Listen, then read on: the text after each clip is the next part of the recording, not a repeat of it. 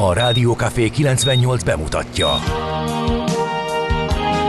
A Fekete Erdőn is túl, a város szélén, a hatos számú korteremben, egy olyan városban, ahol a vészhelyzetek mindennaposak, és bármi megtörténhet. És meg is történik.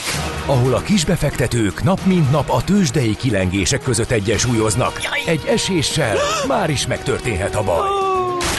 Segítség! Csak négy doktoron múlik a biztos felépülés. Doktor urakat várják a négyes műtőben. Egy fáradt, de mindenre elszánt és profi csapat vigyáz az egészségre minden reggel. És kik ezek a kitartó szamaritánusok? Négy orvos, egy módszer és egy bögre kávé. Ács Gábor, Gede Balázs, Kantor Endre és Mihálovics András. A főorvosi szobából pedig Profit professzor adja a helyes diagnózist. Humor, emberi sorsok, közönséges balesetek és profi megoldások. Néha sürgősségi, néha félig zárt osztály. A Gazdasági Muppet Show minden hétköznap reggel. Te is figyelj! Neked is írjuk a receptet! De miért? Ha nincs pénzed azért, ha megvan, akkor pedig azért. Millás reggeli. Egy kis kanállal minden reggel, és minden rendben lesz. A Millás reggeli főtámogatója a Schiller Flotta Kft.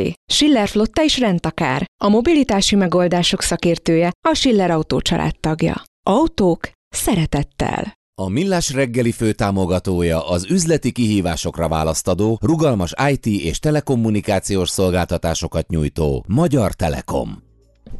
Szép jó reggelt kívánunk, kedves hallgatók! Ez október utolsó napja, 31-e van de azért attól még az nem tart vissza minket, hogy millás reggeli műsort csináljunk itt a Rádió Café 98.0-án 6 óra 32 perckor indulunk Kántor Endrével. És Gede Balázsjal. És ked van. Meg a halogén tökökkel. Ezt, halogén tök? Ugye ezt nem láttad még kiírva?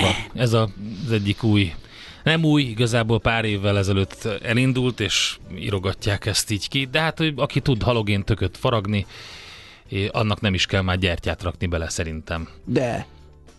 Hát mi a halogéntök? Ja, halogén nem, ahhoz nem kell. Jó, az úgy önmagában működik. Korábban még nem vágom ezeket a de... poénokat. Igen, Na jó. Az, de egyébként nem olyan rossz az, hogyha ja, nem, az ember, persze. ha nem is halogén, de mondjuk egy ilyen LED. Egy jó, egy jó izé, tököt kifaragni, és um, az azért is jó, mert elfoglalja magát a család, jó móka, finom dolgok készülnek belőle, egy jó leves. Az két tök. Miért? Amit faragsz, nem. abból nem csinálsz levest. Miért nem? Hát nem Egyébként jó. nem tudom, nem tudom, hogy milyen lenne az a amerikaiak leves. használják azt a nagy tököt különböző pumpkin pályokra, meg ilyenekre. Hát akkor, akkor tessék próbálkozni. Lehet, hogy több cukor kell hozzá. Hát most már egyébként a rendeshez is, akár kanadai, Tényleg? akár ezt a kék, Én ezt a japán tököt vettem, az nagyon klassz volt. Az, a, igen, az a, úgy tudom, néz ki, mint hogy a bibircsókos az, lenne. Igen, pattanásos lenne, igen. kicsit és kerekebb. Az jó, édes, finom igen, volt. De... A kanadaiból meg ki kell fogni. Hát Hogyha ilyen hóka, fogni. akkor nem lehet, akkor nem szabad megvenni. Ilyen kicsit fás, ilyen világos, az nem jó. Igen, már pedig nagyon sokszor olyan van a hiperekben, úgyhogy keresgélni hát, kell, a hipereknek hogy a zöldség, gyümölcs, hát az azt hagyjuk. Tehát egyre műanyagabb. Egyre műanyagabb. Igen, igen, tényleg. Borzasztó. Na mindegy, Na. nem panaszkod. Ja, de kimarad, de, a, kimarad a morgószer. Ja, hát akkor azt ma lehet potolni, így van. Ér. 0 milyen 30, nap van? 6 98 0 98 0, ezt próbálom uh, itt Tudod, milyen nap van? ezt Elmondom. az üzenőfalat. Farkas napja van. Igen, tudom. Véletlen vajon, hogy Halloweenkor farkas napja van? Nem. A farkas ember napja? Farkas és Wulfia. Wulfia, bizony. Ne is felejtsük el a Wulfiákat. Aztán csekék, kurdok, Krisztoferek, Roderikek és Rodrigók is ünnepel. Roderik.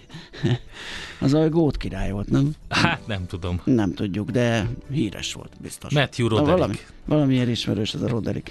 Onnan. Ja, lehet.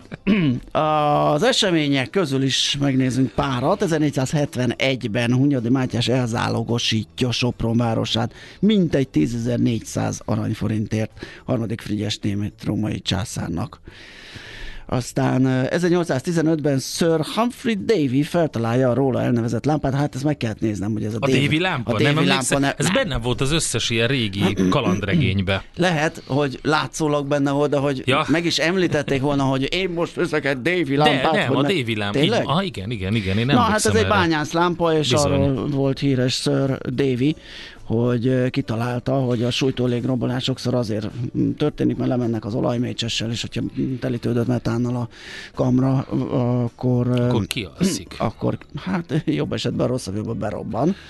És egyébként ennek is van lángja, de valami kosarakkal, vagy valami Nem, nagyon jó. Nekem van egy ilyen össze... igazi ö, bányász? Davy lámpám, e, körülbelül ilyen 10 centis Mhm. részből készült, és nagyon klassz, ezt oda, oda akasztották gondolom a, valahova a ruhájukra, vagy ez egy ilyen hordozható cucc volt, amit magukon tartottak. Igen, de valami drótkosár vette körbe, meg valami trükkel. ö, Volt egy kosár, ami a, igen, és van, hát van egy olajtartály, van egy olajtartály az alján, és Igen. akkor van egy, van egy ilyen um, keretszerűség, hogy ne törjön össze a maga a, az üveg. Nagyon klassz kis szerkezet volt a Davy lámpa. Nos, a, azt mondja, hogy befejeződik az első távírókábel lefektetése a csendes Mhm. óceánon keresztül 1902-ben, ugye a kábel a fondollár azóta is viseli Ez a nagyon érdekes, hogy madzagnak. Tanultuk történelemből ugye az őszi rózsás forradalmat, aminek szintén évfordulója van, 1918, és maga a kábel a csendes óceánon keresztül az 16 évvel korábban volt, 1902-ben. Igen. Hogy ilyen kontextust adjunk, úgyhogy tehát Majd rá ez a- 90 évre, akkor maradjunk a kábelnél. Mit szólsz, legyen az a, az origója mindennek. Jó. 90 év múlva 1992-ben a római katolikus egyház 359 év után rehabilitálja Galileo Galileit. Hát nagyszerű, köszönjük De tényleg, szépen. Úristen. hogy miért kellett 392 év, vagy hogy egyszer csak eszükbe jutott, hogy úristen, tényleg beszélgettek ott valami bíborosok, és akkor Nem, De mi 359 van a évig azon, Galileivel? Azon izzadtak, atyavilág, elfelejtettük hogy kéne ebből jól kijönni. Tehát, igen. Mit csináljunk? Igen, mit Hárman mondjunk? arra szavaztak, hogy kummantsuk el. Igen. Ne, ne, ne is mondjuk, lehet, hogy elfelejtjük még 300 évre, de győzött a tisztesség. Hát jobb később, mint soha, erre szokták mondani, azt hiszem 3, 359 év után már lehet ilyet. Aztán egy nagy évforduló, amivel fogunk majd bővebben is foglalkozni, 2008-ban Satoshi Nakamoto, aki tudja fenn, hogy kicsoda, és nem is biztos, hogy egy pacák közé teszi a bitcoin alapelveit leíró dokumentumot. Innen indult az egész. És hát most megint ugye van egy ilyen szárnyalás, 24-én volt az, hogy egyszer csak fölpattant az árfolyam, és megközelítette a 35 ezer dollárt megint, és azóta egyébként ott ugrándozik. Hát ott igen, mert, mert a remény élteti, ugye várják, hogy esetleg az SEC, az amerikai tőzsdefelügyelet engedélyt ad a BlackRocknak egy uh-huh. spot ETF-re, egyébként határidős Igen? termékek már vannak, igen. Egy spot ETF-re. Ebbe ez lenne, a, Wow. ez lenne a nagy duranás, és hát azt várják, hogy lesz belőle valami. Majd erre is ki fogunk térni. Pont a napokban gondolkodtam ezen, és amikor én szkeptikus, skep, Az vagy? skeptikus vagyok. ö, a- Skepszis vagy? szkepsz- szepszis a bitcoin kapcsolatban, akkor megfogalmaztam egy olyat, hogy csak gondoljunk bele, ez az év, 2008 vagy 2009 kezeljük együtt a kettőt. Itt jelenik meg a Nissan Leaf, a Tesla, Mhm. a bitcoin. Aha. Melyikből lett használható valami? Hát Az előző kettőből. mi a Tehát az bitcoinból nem? autó- Hát azt is lehet hát használható, csak nem olyan Hát- sok mindenre. Igen. Szóval... Nagyon sokan meggazdagodtak belőle, Az, az nagyon egy dolog, sokan... tehát ezt szét kell választani, mint spekuláció, tehát hogy lehet vele Figyelj. adni, venni és kereskedni és pénzt Én emlékszem, csinálni, hogy- de az hogy- eredeti funkcióját rohadtul nem tölti be. Az, hogy És fizetőeszköz, az, hogy fizetőeszköz legyen, igen. Igen. Hogy, nagy, hogy, hogy, hogy, hogy nagy területen elterjedt, széles Igen. körben elterjedt fizetőeszköz legyen, azt nem. Egyébként lehet, vannak olyan kártyakibocsátók, akik engedélyezik, lehet vele fizetni. Igen. Voltam olyan kávéházban, ahol lehetett 0,00 nagyon sok 0,2 bitcoinért egy kávét venni. Persze, de én azt mondom, hogy ezek ilyen marketing trükkök, tehát uh-huh. hogy kiírja, de, Értelek. de hány embert láttál, hogy ott állt a sor, és mindenki bitcoinnal fizetett, és, és azt használta fizetőeszközként, szerinte az, az Igen, ez, igen, Jó. ez tény Na mindegy, való, ezekre ez is ki fogunk térni a, van. a bitcoin szülinapján, mert ez egy műsorelem lesz, mindjárt keresem.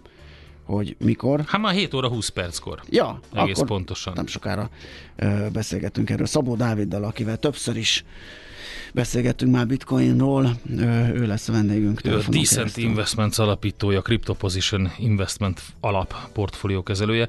Na, azt mondja, hogy még egy pár érdekességet mondjunk el. Születésnaposok, a híres születésnaposok. 1632 Jan Vermeer, holland festőművész. Hát ugye az a nagy kiállítás azért az, az zseniális volt és azt látni, hogy ott két kiállítás volt egyszerre. Egy Fermér életmű kiállítás Amsterdamban, és egy érdekes installáció, hogy mit csinálnak az emberek, akik oda mennek az áhítat az arcukon. Az, hogy mindenki a mo- mobiltelefonjával a kezében fotózza a, a Fermér Ettől- ettől képeket, megőrülök. úgy, hogy, hogy közben magán a Fermér kiállításnak a, a honlapján Igen. elképesztő magas minőségben letölthetővé tették, Igen. olyan, hogy bele tudsz zoomolni, nem tudom hány gigapixeles De ez verzióban. esetben... De nem és- az a lényeg, Ja. hanem az, hogy ott voltál és te fotóztad. Ez olyan, mint egy bélyeg, amikor rákerül a posta Igen, ez pecsét. tök furcsa egyébként, ez, ez, ez jó lenne ennek És akkor nézni, utána a beszélgetni harmadik, a harmadik szinten pedig voltam én, aki azokat fotózta, akik fotózták a Fermért. Meg akik, akik odaálltak ugye fotózkodni, szelfizni a, a Aha. Fermér képekkel, és akkor azokat fotóztam én, tehát egy ilyen háromszintű Mhm. sztori volt, nagyon érdekes volt. Nagyon klassz.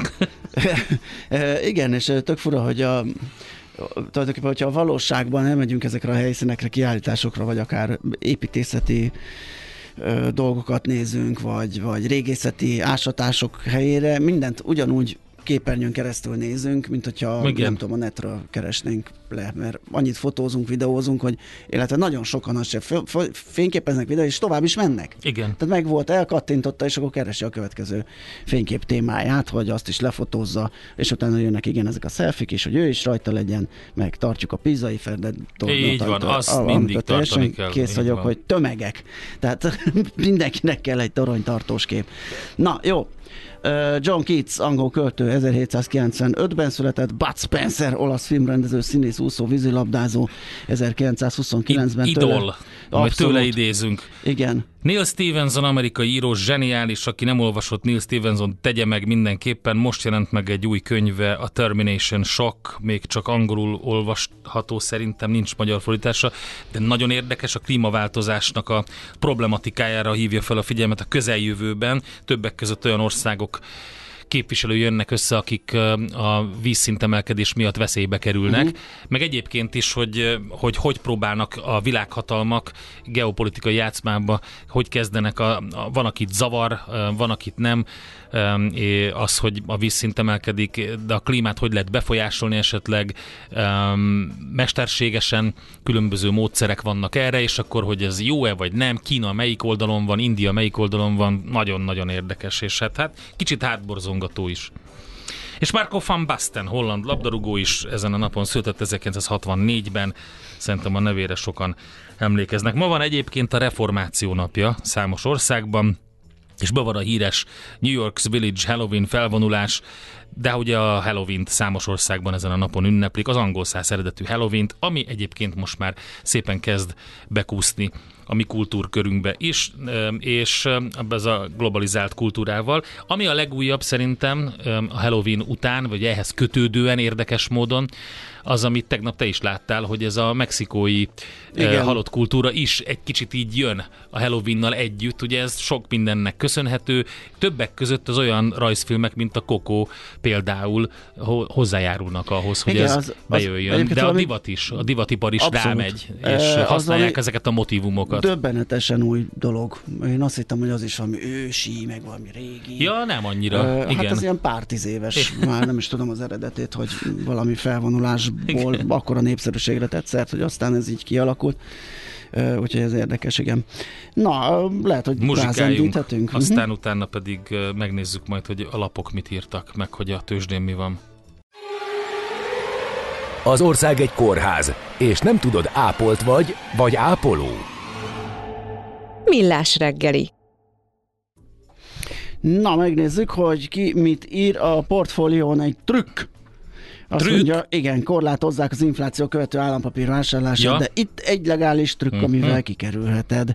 Ugye augusztus 1-től az egyéni lakossági megtakarítók 25 millió forintig vásárolhatnak a az infláció követő állampapírból, a PMAP-ból, ami ugye hát egyértelműen most visz mindent, ez a legmagasabb kamatozású vagy hozamú állampapír, ami most az idén, hát nem tudom, most hol tartunk 14 valamennyinél, de ez jövőre akár 18-ra is ugorhat még akkor is, hogyha teljesen összenyomták ugye a, a kamat prémiumot, de miután inflációt követ, és várhatóan az éves átlagos infláció itt lesz ahol 18 környékén az idei évben, még hogyha nem is tenne rá az, á, az államadosságkezelő plusz kamatprémiumot, akkor is igen magas hozamot ö, tud produkálni jövőre.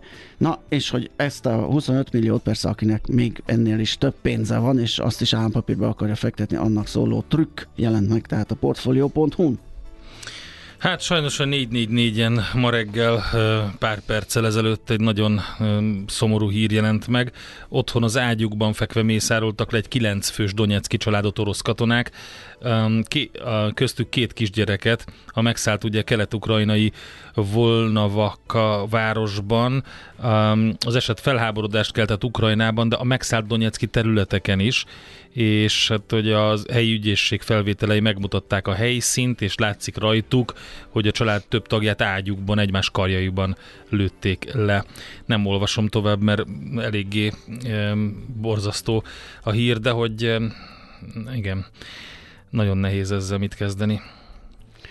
A Telexre ugrottam, és mm, bocsánat, csak felugrik az elak ezekkel a magyar sajtótól. Igen, Azt mondja, hogy uh, vita az eutanáziáról, és uh, nem arról van szó, ugye, hogy hirtelen ezrével kinyírjuk az öregeket, mert kéne már a körúti lakás. Ugye ez egy izgalmas uh, uh, vita lett, Karsai Dániel mm, indította gyakorlatilag azt, hogy ez valahogy lehetőség legyen ö, itthon is, hát egyelőre kormányzati körökben nem talált ö, értő fülekre a dolog, de egy társadalmi vita mindenképpen elkezdődött, és erről lehet most itt a Telexen is olvasni. Nagyon érdekes, a németeknél is most egy ilyen kardinális szavazás, illetve döntés előkészítés zajlik, mégpedig arról, hogy el lehet-e valakit másodszor ítélni egy olyan bűnért, amit már egyszer, amiért már egyszer felmentették, és súlyos esetben úgy tűnik, hogy most elő fogják venni azt, hogy lehessen, hogyha új bizonyítékok kerülnek elő, olyan bizonyítékok, amik a technológia vagy a tudomány fejlődésével még nem álltak rendelkezésre korábban. Tehát uh-huh. például olyan DNS bizonyíték vagy ehhez hasonló, és egy gyilkossági ügy áll a hátterében ennek az egésznek. Egy nagyon hosszú procedúra, úgyhogy Karlsruhe-ben ma egy ilyen döntés fog megszületni, Ehm, és érdekes, mert ehm, egy precedens teremthet eh, az európai jogrendszer számára is. Na, közben az m4.hu-n olvasom, hogy nagy bajban lehet a költségvetés, 10 milliárdos kiadások átütemezéséről döntöttek. A magyar közlöny hétfő este megjelent ö, tanúsága szerint a vasúti fejlesztésekre szánt 10 milliárdok átütemezéséről döntött a kormány. Az intézkedés ugye az építési és közlekedési miniszter tárcájának a kiadásait érinti, konkrétan a Dunakeszi vasúti rakodó terminál, az Iváncsai ipari parkhoz kapcsolódó infrastruktúra, a Zalaegerszegi konténerterminál és a Debreceni ipari park vasúti infrastruktúrájának kiadásaihoz kapcsolódnak és hát ugye most pakolgatják ezeket. Hát kíváncsi leszek, hogy mi lesz ennek az eredménye, m4.hu. Az Economics-on olvasom, hogy az EU komoly szabályozásba fogna, mert hogy a céges támadások után egyre többször fordul elő, hogy kormányzati szerveket vesznek célba hackerek, és hát itt volt ugye a, a hétvégi hír orosz hacker csoport hatolt be több európai kormányzati szervezet levelezési rendszerébe, és nem meglepő a hír, a magyarországi bűnügyi statisztikákból is látszik, hogy egyre több a digitális eszközök révén, vagy a digitális térben elkövetett bűncselekmény. Erről nagyon sokat beszélünk, ugye egy külön rovatot is szenteltünk ennek, és bár úgy tűnik, hogy a mm, döntéshozókat hideg zuhanyként érik a támadások, az EU számos intézkedést tett az elmúlt időszakban, ami a hasonló incidensek kivédésére szolgál, és készül is tenni, tehát az economics.hu-n lehet erről olvasni. Hol zárt? Hol nyit? Mi a sztori? Mit mutat a csárt? Piacok, árfolyamok, forgalom a világ vezető parketjein és Budapesten. A tőzsdei helyzetkép támogatója a hazai innováció vezető gyógyszeripari vállalata a Richter Gedeon nyerté. Nézzük, hogy mi történt a tőzsdéken. Amerikában jó hangulat volt. Igen. Magyarországon? Nem tudom. Ja, értem. Jó, akkor mondom Most Amerikában, hogy mi a helyzet. Mert ugye rosszul indult a kereskedés, tehát amikor megnyitottuk a tőzsdét itt a tőzsderovatban, uh, nyitásban, Hát, akkor 200 millió forint volt mindössze a forgalom. Az nem, nem sok. Nézd, olyan marha nagy, most a forgalmat nem látom, de az elmozdulás a végére az 2,1% plusz, tehát ö, örüljünk neki, igen, hogy pluszban zártunk, de azért ez nem egy ilyen nagyon acélos mozgás. A vezető részvények közül sem tudott mindegyik emelkedni. A Magyar Telekom például esett 2,1%-kal 558 forintra, a MOL az 8,1%-kal emelkedett 2896-ra, az OTP is többletet szedett magára, 4,1% nyit 13.585-ön zárt, és a Richter esett 6%-kal 8545-re. Hát említésre méltó még a nem tudom, Waberers 7% plusszal, meg a Forage 2%-os plusszal. Mindjárt megnézzük, hogy a ö, kisebb kapitalizációi cégek piacán az x mi történt a tegnapi napon, feltéve, hogy megérkeznek az árfolyamok időben. Nem érkeztek meg? Hát ott van a képen. na, hát a képen ott van, de a kép nincs itt. Ja, értem. Na, kérlek szépen 0000 azt mondja, hogy az Astrasan is ott zárt, ahol előzőleg 278 forinton az Ébdufer is, ö, 45 forinton a Gloster is, 950-en egyedüliként az Oxotec tudott produkálni egy emelkedést, méghozzá nem is kicsit, 12,7%-ot, 8 eurón zárt, és pont. Oké. Okay. Hát Amerikában izgalmas volt a kereskedési nap, mert um, ugye egy ilyen felemás hangulatban kezdődött a kereskedés Ázsiában, aztán Európában elkezdtek emelkedni a, a tőzsdék, Amerikában pedig határozott plusz mutatkozott meg, és adatdömpinggel indult a hét, volt Németországból, ugye erről beszéltünk, friss inflációs és GDP adat, emellett ugye közölt az Európai Bizottság a hangulatindexét, minden esetre az amerikai tőzsdék azok valamiféle optimizmussal tekintenek majd arra, hogy a, jönnek a munkaügyi adatok, a non-farm majd pénteken, előtte meg még a Fed is dönt, meg És-.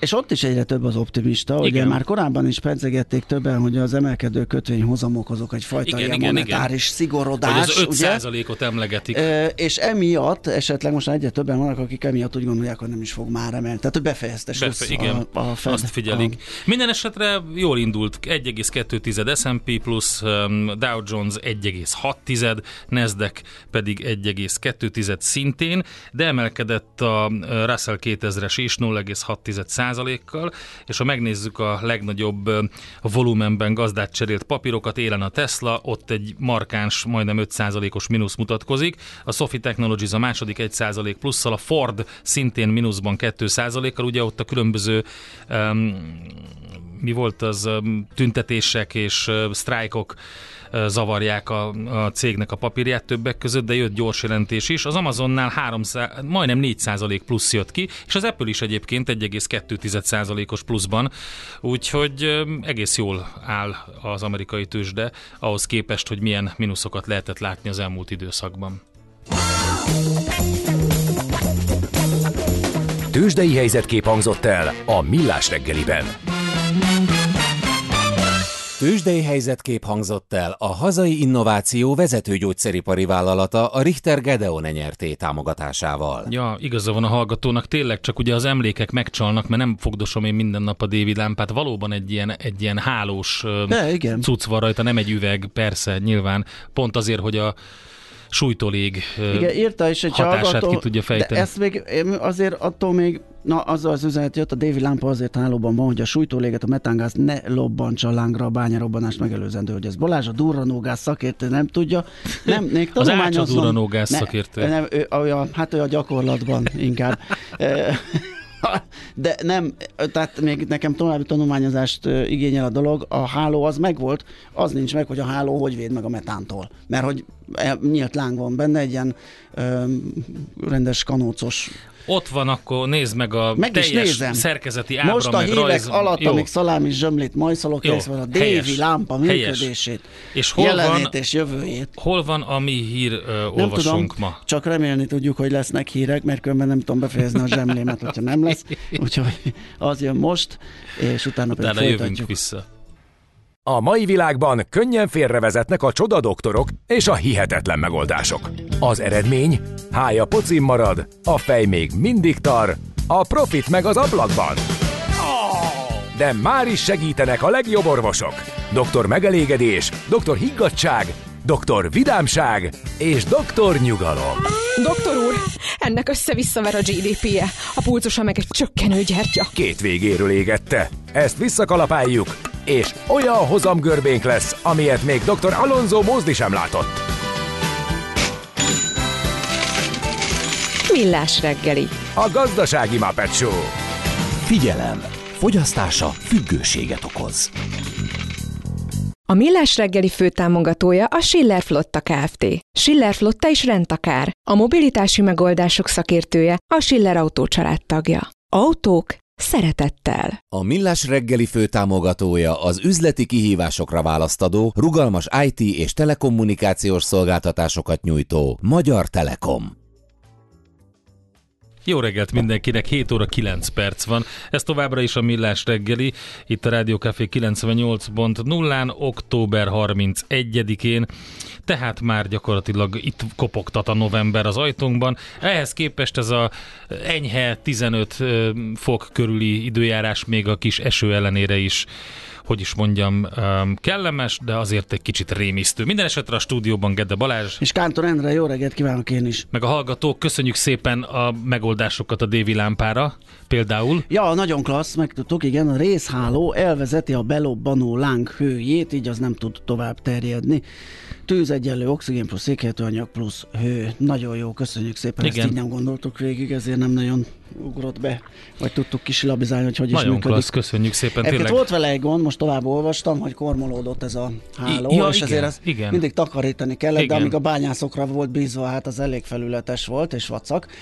Úgyhogy erre külön szolgálatot hoztak létre, hogy a bányász leadta ezeket a lámpákat, azok elvitték, átnézték, Petróval ezzel, azzal lemosták Hát jó, a kormot, és akkor a következő műszakban meg már ment rendesen, ugye mert az veszített a fényéből, ahogy kormolódott ez a És akkor a jobb bányászok még háló. kaptak egy kanárit is, gondolom. Hát Kiosztották mellé. nekik Így így, van, a így felszerelést. van.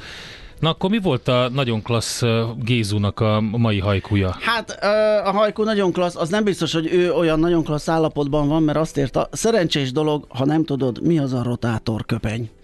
És nekem beugrott, hogy ez, ez, ez valami szakadni, gyulladni, nem szakadni tudom, mit tud, és a szokott. vállal van Jaj. kapcsolatban, úgyhogy, Ja, ja, ja. úgyhogy tényleg addig jó, amíg az ember nem nagyon tudja, Mhm. hogy, hogy ez micsoda, mert ha tudja, akkor lehet, hogy egy diagnózis formájában Ja, világosították fel, hogy mi is ez, és milyen állapotban van.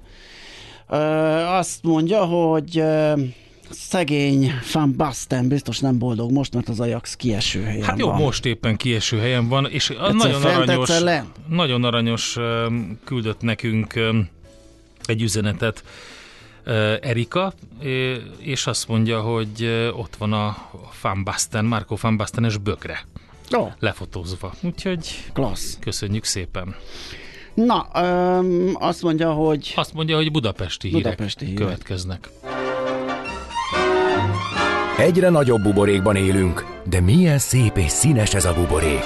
Budapest, Budapest, te csodás! Hírek, információk, események, érdekességek a fővárosból és környékéről.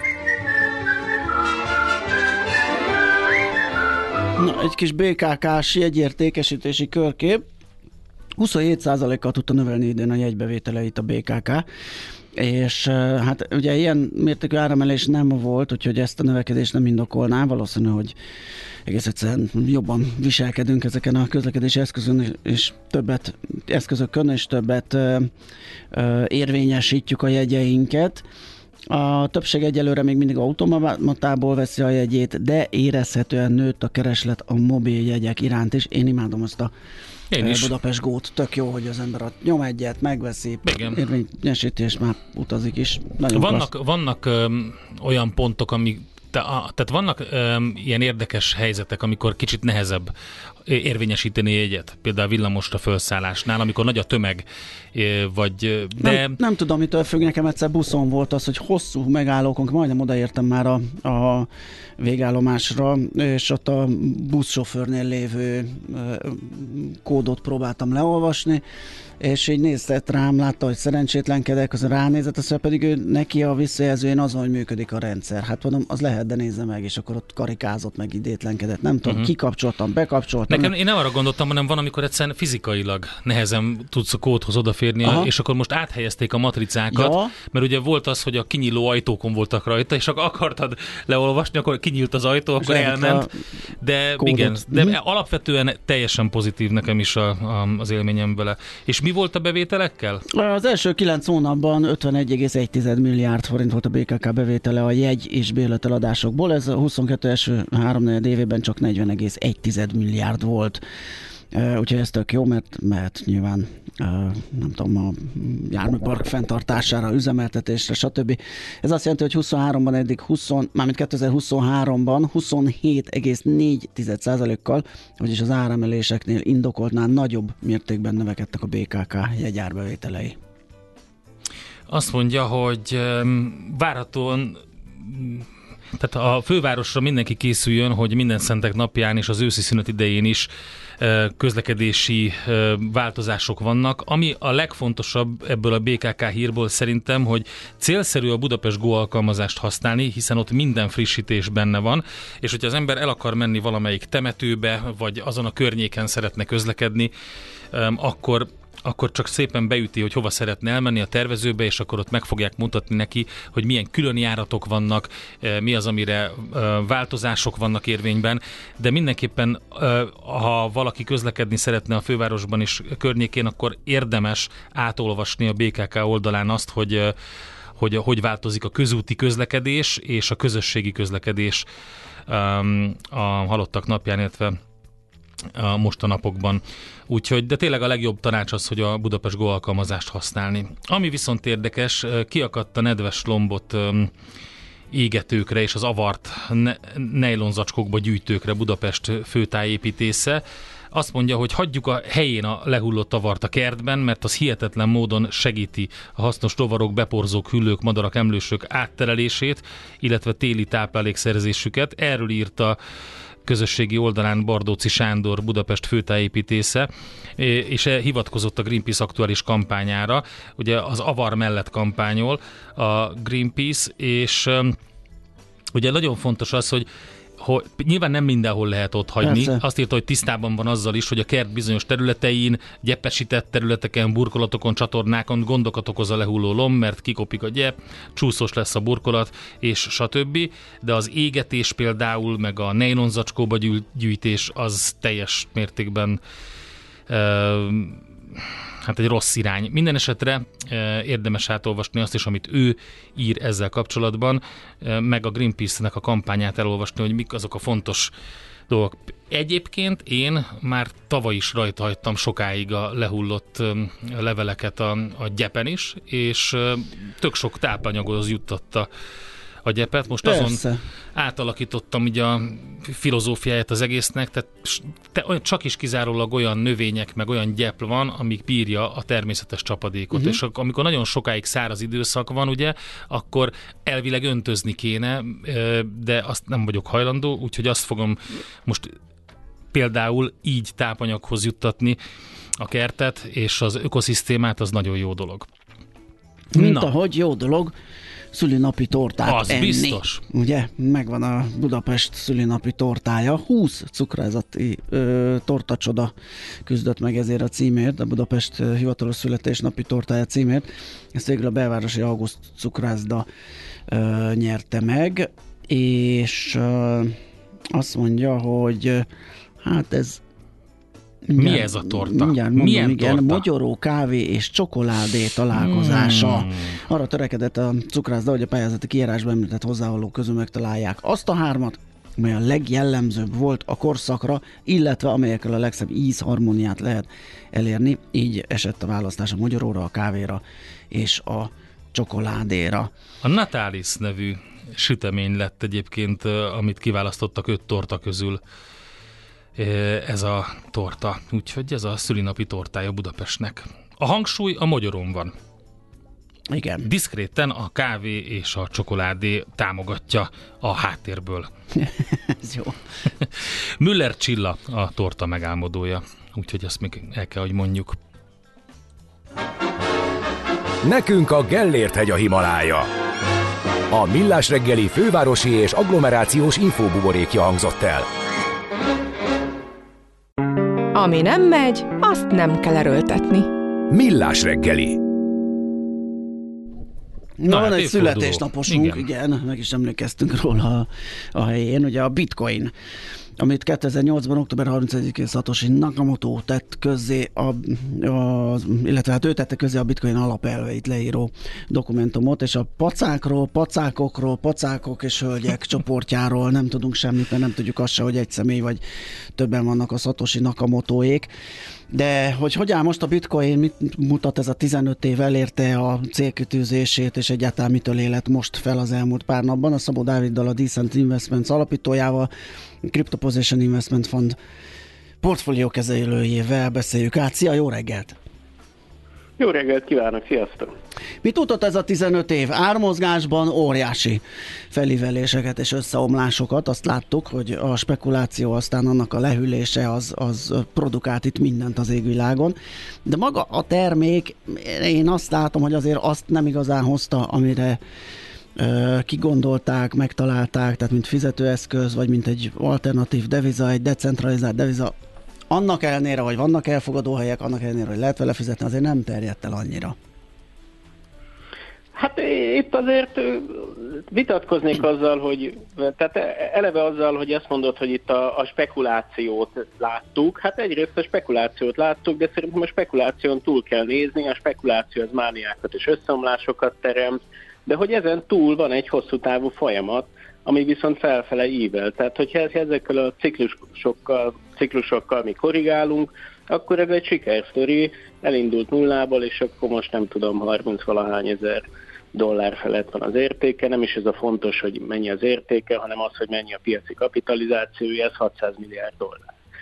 Abban igazad van, hogy ami a, a nevében is szerepelt ennek a white papernek, amit, amit amivel kezdted itt a felvezetőt, hogy ez egy electronic uh, cash system. Ebből a szempontból a bitcoin az valóban nem jó, és hogy ez nem jó, az azért történetileg alakult így, tehát ez lehetett volna most is sokkal jobb, de sok szempontból ez valóban nem teljesíti, ehelyett egy másik funkciót találtunk a bitcoinnak. A bitcoin az a digitális arany, egy olyan eszköz, aminek ingadozik az árfolyama, nem tudom, dollárba mérve, vagy ilyen hagyományos pénzekbe mérve, tekintve, hogyha, vagy viszont, hogyha nagy baj van a pénzügyi rendszerben, például, hogyha magasak az adósságok, elszáll az infláció, és emiatt kamatot kell emelni, és bizonytalanná válik az, hogy mondjuk a pénzügyi rendszer ebben a formában milyen hosszan fenntartható, vagy nem lesznek-e pénzügyi stabilitási gondok, vagy jön egy háború, akkor van hova menekülni, és ez nem feltétlenül az arany, ahol ilyen arany rögöket kell tartani a széfünkben, hanem a 21. századnak megfelelően egy transferálható és e, olcsóban tárolható eszközt e, hoztunk létre ezzel. Uh-huh. Jaj, bocsánat.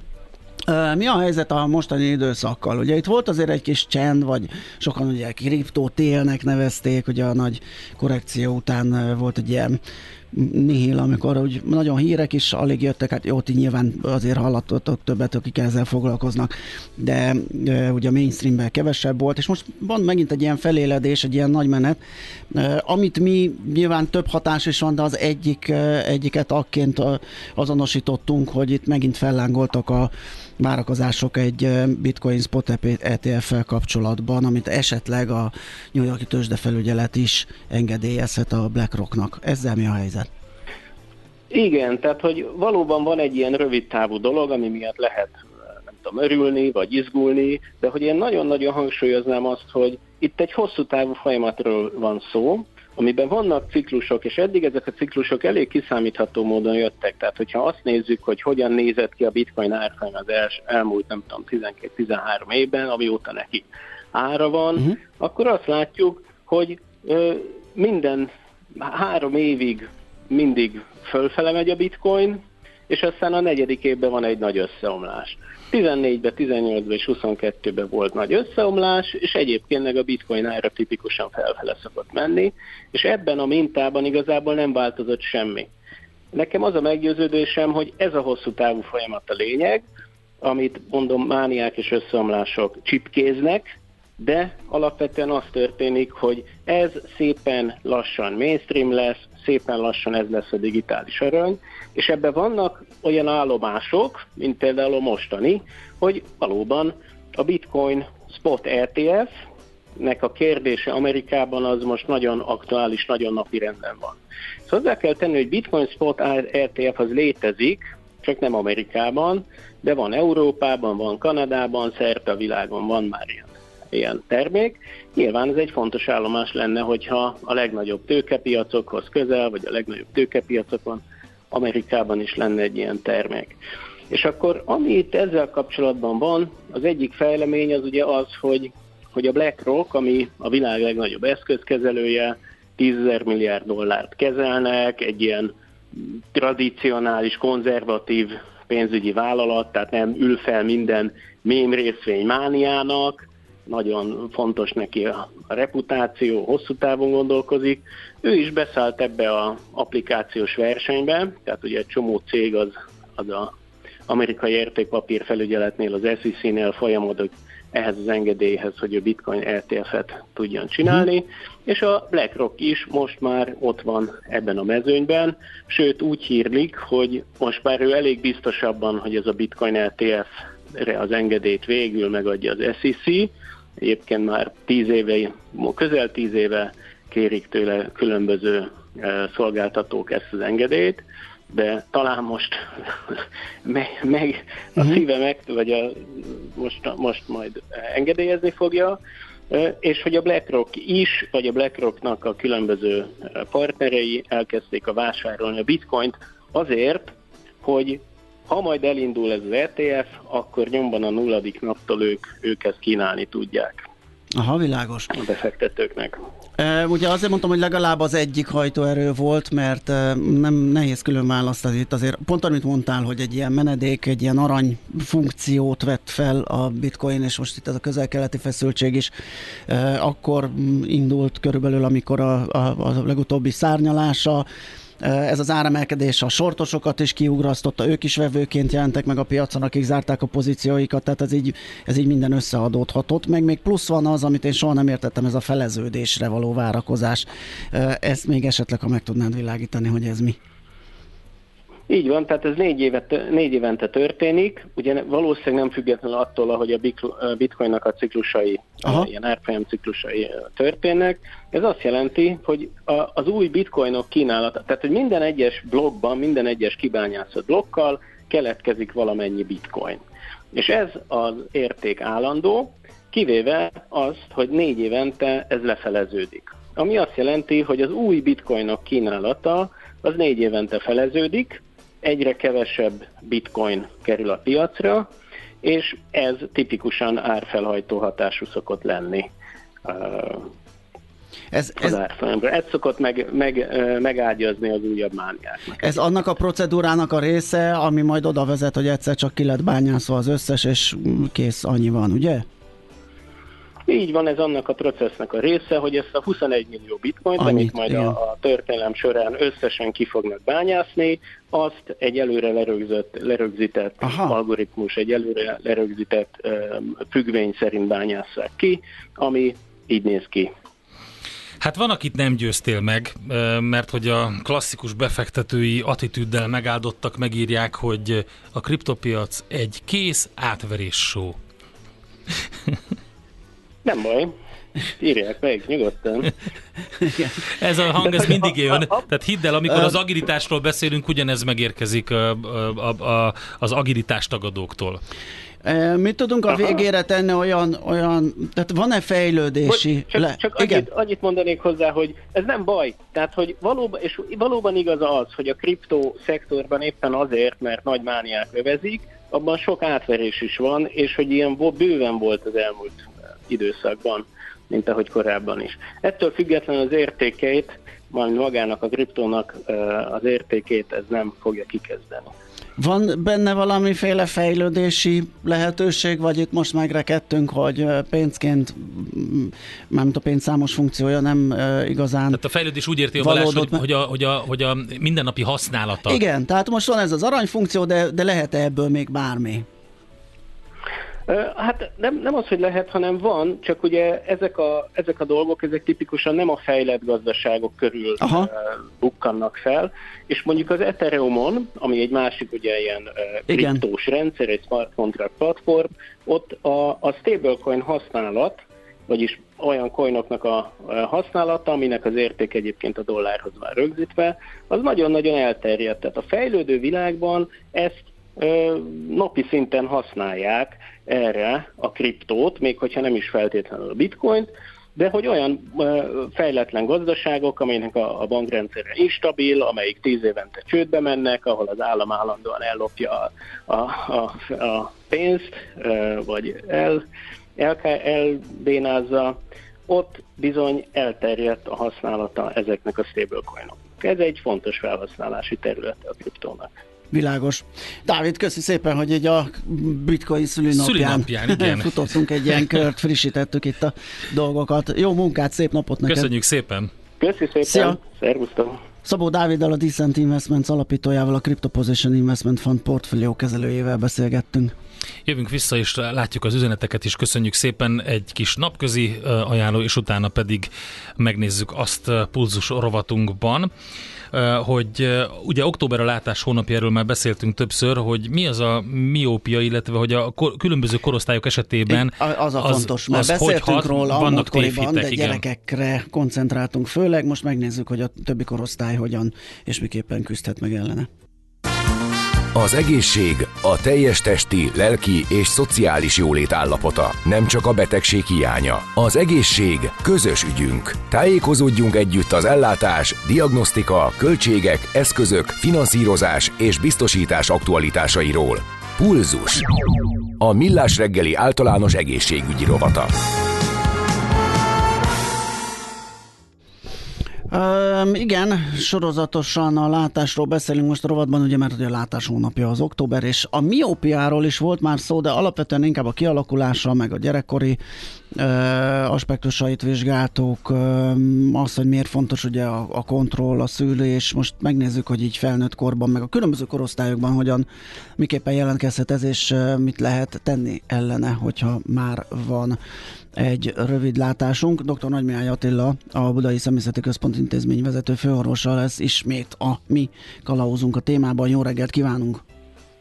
Jó reggelt kívánok! Na, hát nézzük, hogy ugye beszélgettünk, hogy az már gyerekkorban is jelent, sok összetevője van annak, hogy miért és hogyan alakul ki.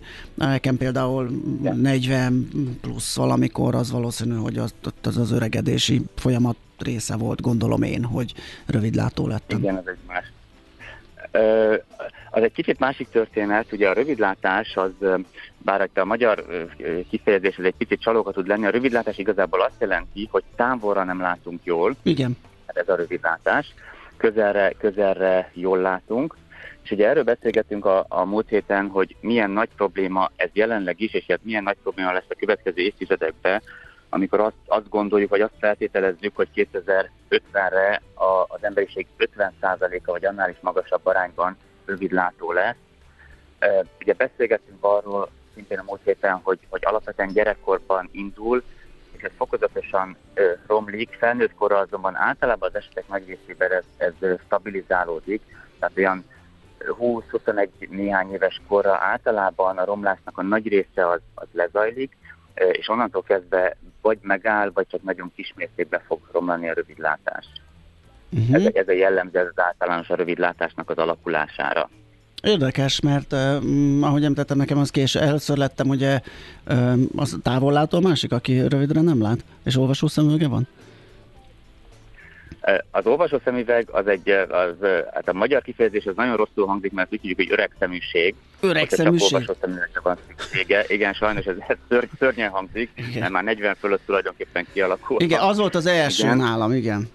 És utána elkezdtem és távolra sem jól látni, most van multifokálison az egy kicsit más történet, tehát az, az nem, nem a rövidlátás csoportjába tartozik, valószínűleg itt egy, egy ö, ö, inkább távollátásra szükséges pluszos, és az olvasáshoz még erősebb pluszos szemüvegre van Aha. szükség, szerintem, de nyilván ez csak Persze, persze, persze.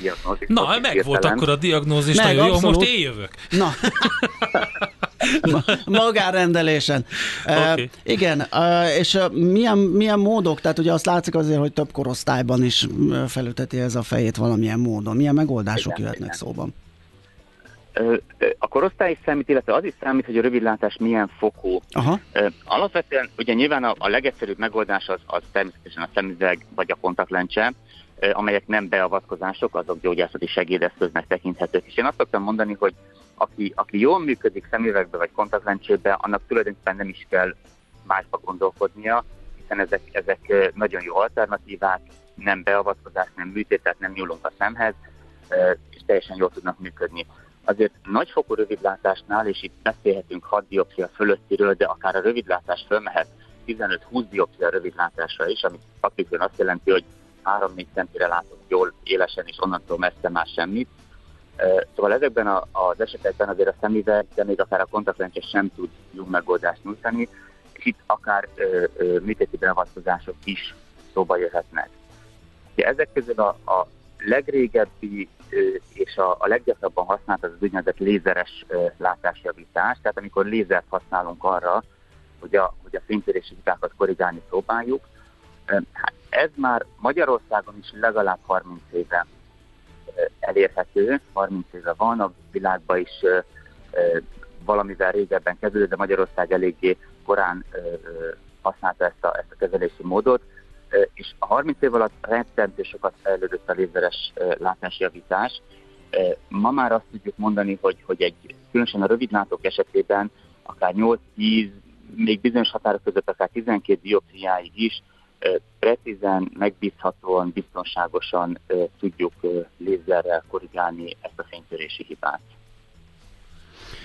Um, értem, ez mindenkinél? Tehát ez, ez bárki, aki úgy ítéli meg, hogy erre szüksége van, ez a beavatkozás megtehető? Hát, ha statisztikát kéne mondanom, akkor azt mondom, hogy gyakorlatilag 90%-ban igen. Nyilván azért nagyon sok vizsgálat előz meg egy ilyen beavatkozást, és ezek a vizsgálatok arra szolgálnak, hogy kiszűrjük pontosan azt, aki nem alkalmas. És én, én ennek, a, ennek az egész lézeres kezelésnek a, a legfontosabb lépésének azt tartom, hogy azt kiszűrjük, aki nem alkalmas a kezelésre. Aha. Mert lehetnek olyan akár személyzeti állapotok, akár általános egészségügyi állapotok, amelyek nem teszik lehetővé ezt a kezelést, és hogyha ezt nagyon jól ki tudjuk szűrni, akkor tulajdonképpen azt mondom, hogy nagyon biztonságosan lehet ezzel a lézerrel kezelni. Tehát a nagy többségnek alkalmazható, akinek nem, annak viszont kategorikusan azt mondjuk, hogy nem, nem lehet ilyen kezelést végezni. Pontosan azt akartam kérdezni, hogy mennyire biztonságos, mennyire veszélyes ez a beavatkozás, illetve a másik, ami felmerül, hogy hát azért a szem változik, az izmok Aha, változnak. Jött egy kérdés, és, mennyire tartós Igen, ez. hogy mennyire végleges az eredmény, vagy mire lehet számítani? A, egyrészt a kezelés az, ha, ha jól kiszűrtük azt, hogy ki alkalmas és ki nem, akkor azt kell mondjam, hogy nagyon biztonságos. A lézeres kezelést ez alatt a 30 év alatt hát nagyon-nagyon sok millió esetben végeztek a világon, rengeteg tapasztalatunk van arról, hogy, hogy, hogy kit szabad és kit nem szabad megcsinálni, tulajdonképpen ez az, ez az alapja ennek, és ha azt mondjuk, hogy, hogy meg tudjuk csinálni és meg szabad csinálni, akkor ez nagyon biztonságosan elvégezhető. Tartóság alapvetően ezt is ma már elég jól tudjuk tanulmányokból, ezekből a, ebből a rengeteg esetből, következtetésekből megmondani, hogy maga a lézerkezelés az nagyon stabil, nagyon jól tart, hogy így mondjam. Viszont azt elmondtam az előbb is, hogy maga a rövidlátás az egy olyan folyamat, ami ugyan a 20-as évek elején általában megáll, vagy lelassul, de soha nem tudjuk biztosan megmondani. Ha valaki 20 évesen mínusz 3 dioptriás rövidlátó, akkor az, az nagyobb eséllyel körülbelül ilyesmi marad a következő egy-két évtizedben, de lehet, hogy a mínusz 3 dioptriája 30 éves korára mínusz 4 dioptriára romlana. A lézerkezelés az mindig az adott állapotot kezeli. Tehát ha maga a rövidlátás romlana mondjuk egy dioptriát, akkor a lézerkezelés után is fog romlani egy dioptriát. Ezt nagyon nehéz előre ö, ö, megjósolni, bár a vizsgálatainkkal, amikor megcsináljuk a, a lézerre való alkalmassági vizsgálatot, akkor ezt jó eséllyel ki tudjuk szűrni. Maga a lézerkezelés, tehát amit a lézer csinál, az nagyon stabil, az, az úgy marad, ahogy csináltuk tulajdonképpen. Jó, de mondjuk elvileg akkor egy ilyen adatokból azt ki lehet nyerni, hogy mondjuk van egy, van egy befektetés, ha itt tekintünk rá, hogy az hány évig um, ha, lehet hasznos nekünk, mert ugye utána esetleg rom, romolhat egy dioptriát a szem, vagy valami nem, és akkor ut- tehát így, így is lehet rátekinteni. Abszolút lehet rá tekinteni. Egyrészt a lézerkezelés, ezt is általában meg tudjuk előre mondani, az esetek egy részében megismételhető. 8 év múlva, 10 év múlva, ha esetleg valamennyi visszaromlik, akkor tudunk kezelni. Másrészt, hogyha valaki egy nagyobb dioptriával, mondjuk 6-8 dioptriával megkezelünk, és azt mondjuk, hogy 10 év múlva lehet, hogy egy dioptria visszajön, még valószínűleg akkor is egy, egy idézőjelben jó befektetést csinált. Hát nem, abszolút. Hát a, igen, életminőségjavulás, kényelmi szempontok, rengeteg minden más, úgyhogy igen, így, így is lehet rátekinteni. Oké, okay, nagyon érdekes volt, köszönjük szépen az Az egész sorozat érdekes volt, hogy nagyon köszönjük a szakértését egész hónapra, a látás hónapjában. Szerintem nagyon sok és én, izgalmas én és hasznos témát vetettünk fel. Minden jót, szép napot kívánunk! Köszönöm szépen, én is viszontlátásra. Dr. Nagymiály Attilával, a Budai Személyzeti Központ intézményvezető főorvosával beszélgettünk. Bulzus. A Millás reggeli általános egészségügyi rovata hangzott el. Az egészségügy a társadalom mindenkori egészségkultúráját tükrözi. Elmondjuk a kedves hallgatónak a bitcoinnal kapcsolatban, amit kérdezett, nincs hülye kérdés, jó kérdések vannak csak, ha valaki nem tud valamit, érdemes megkérdezni, úgyhogy tök jó, hogy felbátorodtál ettől a kávétól. És uh, volt egy másik hallgató, aki viccelődve azt kérte a múlt héten, hogy ő szeretne akkor, hogyha kívánság műsorban egy Boniemet kérni. Hát uh, Parancsolj! 3R, vagyis Reduce, Reuse, Recycle. Csökkentünk, újrahasználunk, újrahasznosítunk. Cél a Zero Waste. Semmit se küldjünk hulladéklerakóba, ne pazaroljuk az energiát. Legyen a ma terméke a jövő alapanyaga. 3R. A Millás reggeli körforgásos gazdaságrovata következik.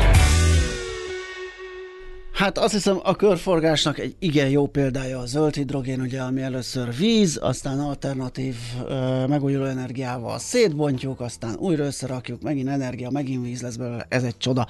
De az, hogy ö, ugye sokszor a mobilitás járművek kapcsán jön elő ez a ö, hidrogénhajtás, de azért van ennek más felhasználási módja is, mindjárt ezeket átnézzük Kovács Gáborral, a Messer Hungária Gáz Kft. hidrogén Messer Hungarogáz. Messer Hungarogáz, mit mondtam? Hungária, de nem baj. Ó, Messer Hungarogász Kft. Bocsánat, ő a hidrogén üzletág vezetője, és nem ismeretlen azon hallgatók előtt, akik ott voltak a Biintek 2.0 rendezvényünkön, hiszen ott is nagyon érdekes dolgokat hallhattatok erről tőle. Jó reggelt, szervusz! Jó reggelt, szervusztok! Na, hát e, itt ugye, amit más funkciót, azt azt hiszem ott is beszélgettünk, vagy említésbe e, említése került, ez a bizonyos kiegyenlítése pontosan a megújuló forgá, források okozta ingadozó áramtermelés és a mm, stabilabb erőművi áramtermelés közti ingadozás és ennek a kapacitás különbségnek a kiegyenlítése. Tehát kiegyenlítő itt is, szerep, igen. Igen, hogy itt is szerepe lehet a hidrogénnak. Igen, tulajdonképpen a tiszta hidrogén előállítására alkalmas berendezések ezek az elektrolizálók, és így tulajdonképpen az energiarendszer kiegyenlítésére is igénybe vehetők. Tehát uh, tulajdonképpen a zöld energiánkból egy zöld rugalmasságot kínálnak itt ezen a piacon. Uh, erre legjobban a PEM típusú, azaz uh, fotoncseremembrános uh, berendezések alkalmasak. Ezek uh, tulajdonképpen dinamikusan képesek követni a villamos energiahálózatnak megjelenő ingadozásokat, és akkor így egy ilyen hálózatkerítő képességük lesz. Itt különböző típusú berendezések vannak, de, de ez a PEM típusú az, amelyik kifejezetten alkalmas erre. És tulajdonképpen miért jó ezt, hogyha tudunk itt hidrogént termelni? Mert ezt el tudjuk tárolni. Uh-huh. Egyrészt föld alatti tárolókban, Itt akkor egy, akár egy ilyen szezonális tárolást is végre lehet vinni, de nem emellett a földgázhálózatból is be lehet keverni az így megtermelt hidrogént. Itt egy ilyen 2%-os bekeverési arány már elfogadott, de hát vizsgálják tovább az 5-10, akár 20%-os keverési arány lehetőséget. Mire tudjuk még ezt használni? Tulajdonképpen vissza tudjuk alakítani, hogy említetted, villamos energiával. Itt van némi veszteségünk, természetesen. Nyilván. Tehát akkor nincs, nincs örök mozgó, ugye ebből ja, a szempontból sem. Milyen, milyen jó lenne pedig. Igen. Nincs, nincs, nincs, de hát tulajdonképpen ez az, abból az energiából származik, amit, amit egyébként leszabályoztak, leszabályoztak volna ezek az erőművek. Tehát, Aha. tehát ez egy pillanatnyi felesleg lett volna, és, és azt tulajdonképpen elveszett volna. Oké, tehát a rendszer szempontjából uh, nincs veszteség így. Nyilvánvalóan a, te- technikailag van egy áramveszteség akkor, amikor ez megtörténik, de hogyha a rendszer egészét nézzük, akkor alapvetően ez egyébként elveszett volna ez az energia, és ez megy oda-vissza. Pontosan, ezt leszabályoztuk volna. Tehát tulajdonképpen van egy beruházási költsége valóban, de, de ennek a megtörülését azt fogja adni, hogy hogy akkor fogja ezt az energiát visszatenni a hálózatba, amikor, amikor éppen energiaszűkösség van, magasak az energiárak, és akkor itt tulajdonképpen egy jó méretezett tárolóból vissza, visszalakított energia, az tulajdonképpen a, abból az energiából származik, amit egyébként nem termeltünk volna meg, vagy pedig hm. leszabályozott volna rendszer. Ez a fajta energiatárolás jobb alternatívája lehet bármiféle ilyen akkumulátoros vagy egyéb módszernek? Hát tulajdonképpen uh, itt arról beszélünk, hogy az akkumulátoroknak van egy eléggé lassú feltöltés, és egy kisítés ideje. Uh, na most uh, ezek az elektrolizálók, ezek uh, tényleg a, tehát a villamos energia hálózat kihelyezésére is alkalmasak, tehát eléggé dinamikusan lehet ezt rángatni, úgymond. Tehát tulajdonképpen a termelés szempontjából mondhatni a villamos energiából azonnal hidrogén lesz, ezt tárolnunk kell, most erre lehet különböző méretű tárolókat lehet kialakítani. Akár alacsony nyomáson, itt, itt ilyen 30 bár környékére beszélünk, vagy pedig fölmegyünk egy magasabb nyomásszintre, akár több száz bárra is. Viszont egy fontos dolog, hogy itt nagy tiszta hidrogénről beszélünk, tehát a, a minősége az 99,999, tehát nagyon-nagyon nagy tiszta hidrogénről, és ez gyönyörű szépen alkalmazható később akár az iparban is, egy ipari dekarbonizációs célok eléréséhez, de akár arra is alkalmas, hogy a mobilitásba bevezessük, és egy új piacot teremtsünk tulajdonképpen, mint szállítás uh-huh. Volt egy fontos dolog. Ez, ez mennyire, mennyire van jelen a gyakorlatban? Most, hogy én ezt így hallgatom, persze laikusként, az ilyen teljesen kézenfekvő megoldásnak tűnik, és azon csodálkozom, hogy miért nincsenek ilyenek szerte mindenhol a világban, és olvasunk a működésükről. Van ennek valami gátja, akár valamiféle hatékonyság, vagy, vagy, vagy beruházás, vagy működési költség, vagy valami? Hát ez kb. mindig a pénzről kell beszélni. Hát ez, ez pénzbe kerül, igen. Viszont, viszont van egy ilyen méretoptimalizálás, és most már ott tartunk, hogy a korábbi évekhez képest, ami mondjuk egy, tehát hogyha ha csak a hidrogén előállítását veszünk figyelembe, akkor, akkor korábban volt egy ilyen négy-ötszörös szorzója ahhoz képest, hogy mennyibe került az elektrolizáló által előállított hidrogén, illetve a korábbi szürke SMR technológiával, tehát gőz, vízgőz reformálással. Viszont ez, ez most már körülbelül megfelelődött, most ilyen kettes szorzó van. Igen, nem, de akkor hogyha csak egyenes vonalon gondolkodunk, tehát hogyha, hogyha azért szeretnénk termelni, mert, mert szükségünk van rá, de ha pont akkor szeretnénk termelni, amikor éppen fölösen energiánk van, és azt el tudjuk tárolni később, akkor tulajdonképpen ez egy ilyen kettés megkerülés hoz. Egyszer ugye azért, mert fel tudjuk használni, akkor, amikor szeretnénk, egyszer pedig ö, tulajdonképpen a felesleges energiából ö, lesz ez, ez, a, ez a hidrogén, és ö, tulajdonképpen ez ö, későbbiekben egy ö, olcsó üzemanyagként fog ö, jelenni. Még van egy kevés időnk egy ilyen más... Méret, bocsánat, Igen. méret a lényeg. Tehát, hogy tulajdonképpen itt a méretgazdaságos. Világos. Most már Európában az 5, 5 megawattos egységek lesznek a, a bejáratottak. Tulajdonképpen ez elindult pár száz kilovattól, de most, most úgy jön ki a matek, hogyha ez, ez ilyen 5 megattól fölfelé megyünk. életben. Van még egy másfél percünk körülbelül, hogy eh, olvastam ezt a hidrogén vagy hidrogén hub koncepciót, ez mi lehet, és hogyha esetleg még a cégeteket elhelyezzük ebbe a hidrogén ökoszisztémában, ez így a vére. Gyorsan. Igen, hidrogénvölgy tulajdonképpen eh, most egy olyan koncepció Magyarországon kettő darab hidrogénvölgyet szeretnénk létrehozni. Ugye ez nagyon fontos az, hogy hát ahol már jelenleg is ott vannak a hidrogén termelők és fogyasztók. Az egyik Magyarországon itt egy ilyen észak észak-keleti völgy, itt ez a Kalinc, Balcika, Miskolci, Szóriváros környék, illetve a másik az pedig egy ilyen Dunán túli völgy, ez a Pécs, Paks, Donóiváros, Százhalomba, tehát egy ilyen szép vonal, és uh-huh. egy kis pétfürdő kitéréssel. A hidrogénvölgynek a lényege az, hogy egy teljes értékláncot magába foglalja, tehát tulajdonképpen előállítás és a disztribúció és a végfelhasználás is, tehát tulajdonképpen mindenki jelöljen.